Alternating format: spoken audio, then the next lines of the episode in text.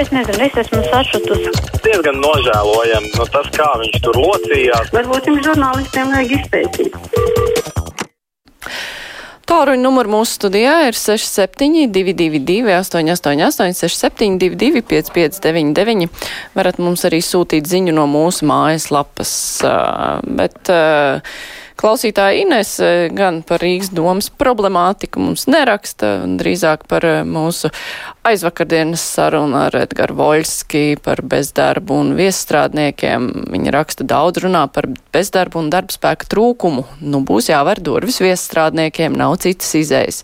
Darbinieki vajadzīgi šodien, rīt, bet sadzimušie bērni varēs dot kādu ieguldījumu vismaz pēc gadiem 25. Līdz tam būs liela ieguldījuma bērnos un kādam ir jāstrādā un jāmaksā nodokļi. Man arī tas nepatīk, bet nav citas idejas, tā mums Ines raksta. Savukārt Edgars raksta, vakar noskatījos TV3 degpunktu, vienkārši palika kauns par Rīgu ielas brūku uz ietvēm caurumi, ka kājas var pārlaust un doma neklapē ne aus, tik grūstāts gar sili. Liekas, ka viņi tur ir aizsēdējušies. Tas ir Edgara viedoklis. Klausītājs zvana, labdien! Labdien! Nu, nepiekrītu Edgaram. Tomēr, tomēr daudzas ielas redzu, tiek remontētas un viss, bet es atvainojos, ka desmit gadus netika darīts nekas. Tad nu, tagad visu Rīgu salabot, nu arī divi gadi ir pamazs. Tilti tiek remontēti un, un, un, un daudz kas tiek darīts. Tā kā mēs visu laiku redzam tikai to slikto neizdarīto, bet neredzam izdarīto.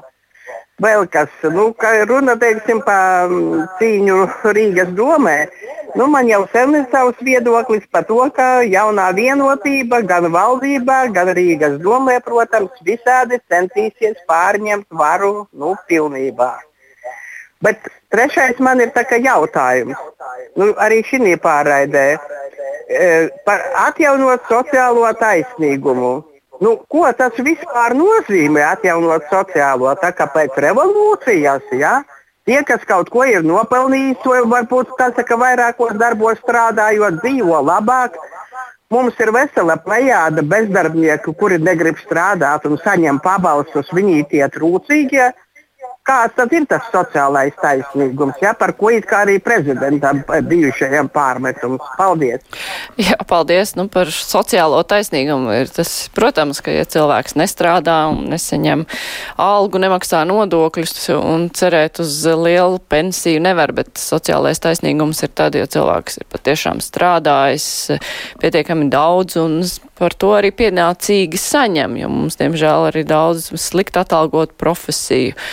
Nu, un tāpat arī palīdzība mazāk aizsargātajām iedzīvotāju grupām. Nu, tas ir tas sociālais taisnīgums, lai nav tā, ka tā ienākumu šķēre ir tik milzīga, ka par tiešām svarīgu un labi padarīt darbu nesamaksā kā nākas, kamēr kāds varbūt ļoti labi dzīvot, nu, bez tāda pienācīga ieguldījuma, bet tikai tāpēc, ka ir uh, kaut kas nes labu peļņu, no kuras netiek maksāti nodokļi vai tam līdzīgi. Labi, klausītājs zvana. Labdien! Labdien! Es tagad gribēju parunāt par jūs arī visu laiku, žurnālisti runājat par Rīgas domes darbu. Ja? Bet e, kur viņas darbi? Jūs paaicināt domniekus no katras tās grupas vai no grupējuma un, un pajautājat, kas ir izdarīts un kas jādara. Nevis tā, ka sarunas viņiem var notikt tikai pēc darba laika. Darba laikā visiem ir jāstrādā. Tas ir viens otrs par spāru būvi tur Reizeknē. Nu, tur arī atbildīgs plešs ir vides un reģionālās attīstības ministrs bijušais, jeb, jeb Gar, Gerhards, kurš tur kā var būvēt spā, ja tur ir palikuši 80% tikai Reizeknes apriņķī un, un šī Reizeknes pilsētā, kas uz to spā ies. Tad aprēķināt, cik ir aprēķināt, kā viņš darbosies. Tātad nevi aprēķinu nekas, mēs tērējam valsts naudu, tā ir atbildība. Atrast, atrast cilvēku un tad paaicināt viņus un pajautāt, kā jūs aprēķinājat gan plešu, gan gan, gan arī Bataševiču. Nu, lūdzu. Jā, paldies. Nu, varam ministrs vairs nav Gerhards, eh, tur jau ir eh, labi sen kā Mārs Sprindžuks, un vēl pa vidu ir cits bijis. Tā klausītājs Jānis raksta, Latvijā bezdarbs reāli ir vēl mazāks. Nevienā valstī nevar kļūt par bezdarbnieku, ja pats aiziet no darba. Zemes atalgojums nav attaisnojums, bet pie mums lielākoties aiziet no darba paši vai pusēm vienojieties, un tad ir bezdarbnieki. Nu, nē, tie nav bezdarbnieki. Nu, kāpēc gan zemes atalgojums nebūtu attaisnojams? Tas ir attaisnojums aiziet no darba. Un arī pretendēt, ja ir maksāt nodokļus, kaut kādu pabalstu, kamēr atrod kaut ko piemērotāku. Klausītājs zvana, labdien!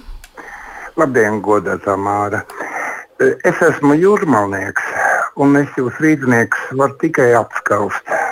Jums bija tāds mērķis, taķis, inteliģents, ļoti skaists, ļoti gudrs, ļoti sirsnīgs cilvēks. Kāpēc vajadzēja kādam izvērst viņu no amata? Jā, paldies. Tas, tas ir jāprasa politiķiem. Kāpēc viņi tā darīja? Kāpēc viņi tur plēšās? Mēs jau pirms tam arī runājām, nu, kur tad tam konfliktam īsti aug kājas. Klausītājs Jānis savukārt cits Jānis raksta ierosina veikt pētījumu par to, kas notiek Latvijas teātros. Tik daudz talantīgu aktieru paziņo par aiziešanu no teātru uz visiem laikiem. Kas tam ir par iemesliem?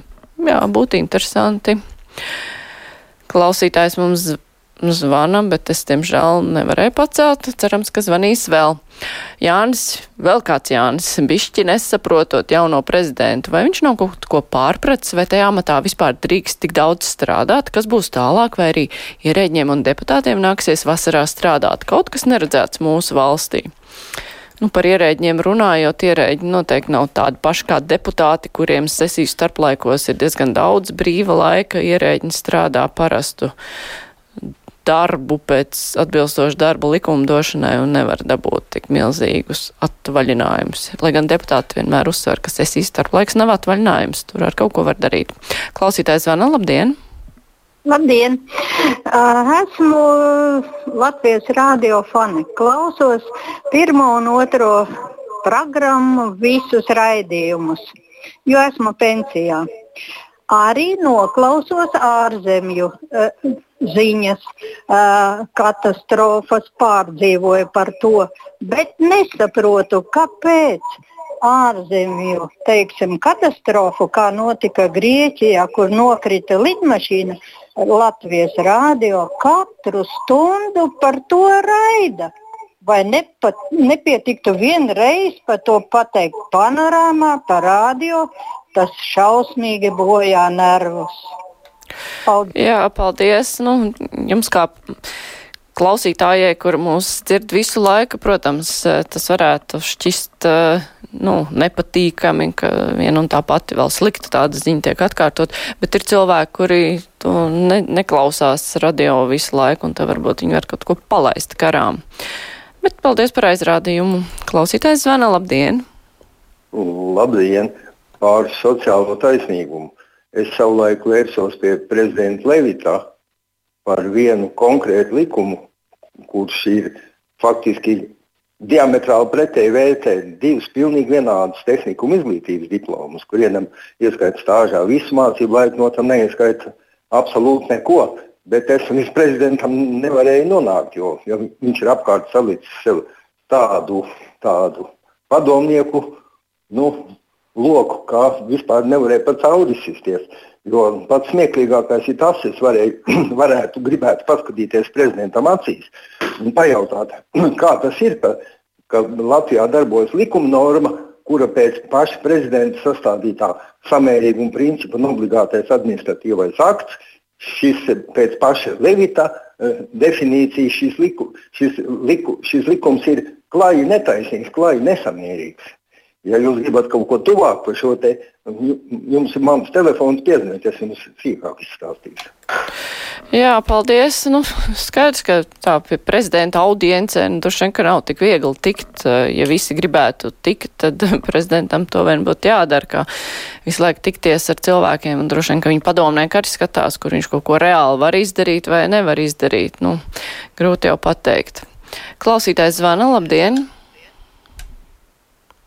Halo! Halo! Labdien! Labdien!